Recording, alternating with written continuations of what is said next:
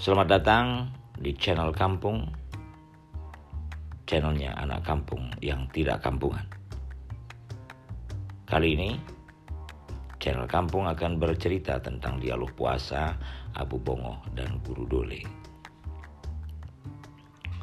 Usai sholat zuhur, dua sahabat dari desa Lasingan, kecamatan Arowah, bersandar di pilar masjid Alhamdulillah. Nama masjidnya Masjid Alhamdulillah loh.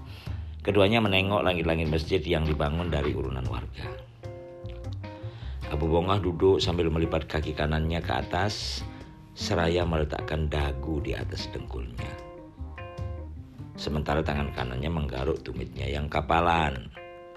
Sedangkan Guru Dole lagi mikirin ongkos pulang mudik. Kata guru ngajiku, salah satu hikmah puasa yaitu agar kita ikut merasakan laparnya kaum miskin. Abu Bongoh membuka dialog.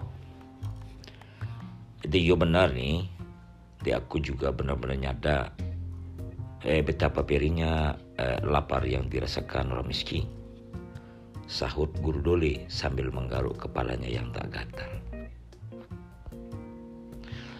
Setelah dirasakan, Tahu nggak apa pelajaran yang kita petik dari laparnya orang miskin itu? Eh, tidak tahu nih.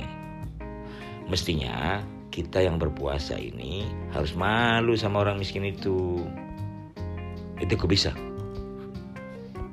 Sepanjang hari, sepanjang tahun, mereka itu menahan lapar. Makan pun mereka dapatkan dari belas kasihan orang kaya. Dan saat kelaparan itu mereka melintas di depan warung makan tetapi tak pernah meminta agar warung makan itu tutup.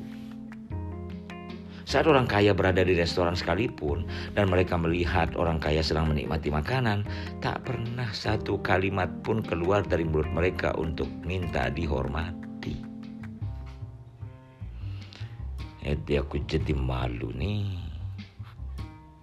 Ya alhamdulillah lah Syukur kalau kamu menjadi malu. Itu artinya perilaku puasamu kian meningkat. Karena malu sebagian dari iman dan hanya orang yang beriman yang diperintahkan untuk berpuasa. Terima kasih, salam dari kampung bersama kita beda.